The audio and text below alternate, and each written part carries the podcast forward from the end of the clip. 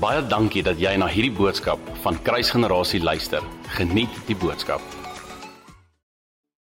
Hallo familie, ek hoop dit gaan goed met julle. Dit is lekker dat ek vanoggend weer saam met julle die devotional kan doen en vanoggend se titel vir hierdie woord is van 'n reset na groef na graf.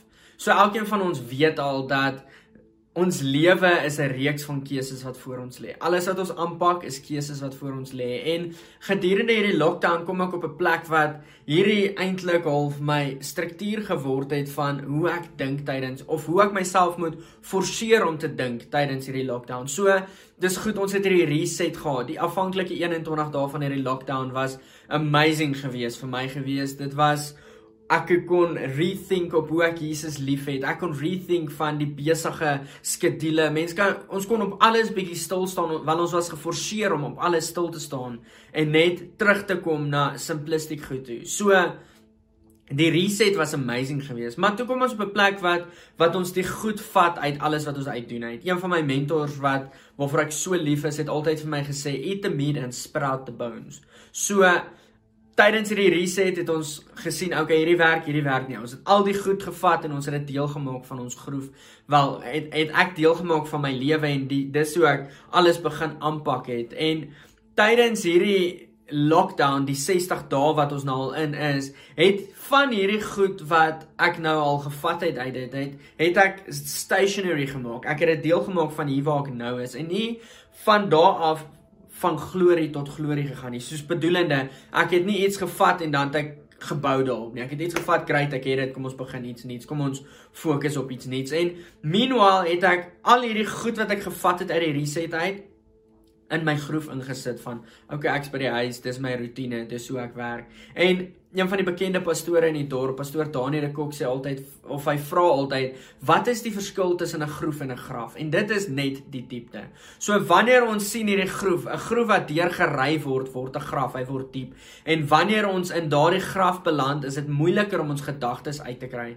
So tydens hierdie lockdown kom ek op 'n plek wat wat ek lief raak daarvoor om by die huis te wees, wat ek lief raak om of ek geniet dit so om by die huis te wees. En dan hoor ons die president sê okay ons kan uitkom. En dan sê ek soos yes ek kan my familie sien. En ek kan by die families uitkom ek kan by die kerk uitkom. En dan sê ek ook soos nie lank daarna nie kom ek op 'n plek wat dit voel vir my of ek depressief begin raak oor ag oh, ek moet nou weer begin werk. My vakansie is verby. Al hierdie goed. Ek weet nie ek dink die introverte stem 100% saam met my.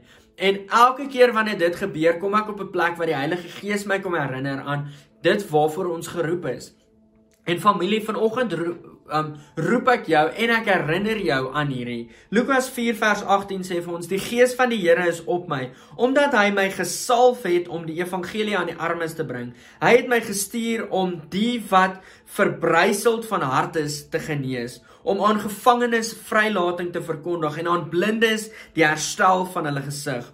om die wat gebroke is in vryheid weg te stuur om aan die aangename om die aangename jaar van die Here aan te kondig. En wanneer ek dit daaraan dink, dan kom ek agter dat ek kan nie in 'n graf wees nie. Want wanneer ek in 'n graf is, is ek vasgevang. En hoe kan ek iemand anders help om uit hierdie uit te kom wanneer ek in 'n graf is? So vanoggend deel ek hierdie met jou en dit was dalk baie gewees, was 'n mondvol gewees, maar ek deel hierdie met jou om jou te herinner dat Gou aan rethink. Hoekom doen jy wat jy doen? Die Here roep ons om van glorie tot glorie te gaan. Hy roep ons nie om vas te bly op een punt nie. Hy roep ons om dieper te gaan. Daar's 'n roepe in die hele woord van God om ons vir ons om dieper te gaan. En ek wil jou herinner om nie in 'n groef te bly nie. Ons raak nou weer besig. Die ons van van maandag af gaan ons weer level 3 toe. Baie van ons begin weer werk. En dan raak ons weer besig. Alles gaan weer besig raak. Maar ek wil jou kom herinner om nie in 'n groef te val nie. Moenie in 'n groef val nie want daardie groef gaan 'n graf word en van daardie graf af kom steel dit ons identiteit. Ek en jy het nodig om keuses te maak in hierdie tyd. Introverte, vir julle voel dit dalk ek trap nou op jou tone. Ek doen nie, ek deel dit met jou uit liefde uit. Ek moet my gedagtes konstant beskerm tydens hierdie tyd om reg te kies, om te kies, maar Jesus het my geroep om om die woord te verkondig, om die aangename jaar van die Here te verkondig en ons elkeen is daarvoor geroep of jy 'n pastoor is en of jy in die wêreld werk. Jy is geroep om die aangename jaar van die Here te verkondig en ons kan nie bekostig om in 'n groef en in 'n graf te wees nie. So familie, mag jy geseënd wees. Hy mag mag jou gedagtes gelig word na na ons Jesus toe en na die mandaat wat die Here vir ons gegee het. En dit is om te fokus op hom en om die aangename jaar van die Here te verkondig. Ek seën jou in Jesus naam. Amen. Baie dankie dat jy na hierdie podcast geluister het. Indien jy die boodskap geniet het, deel hom asseblief met jou vriende.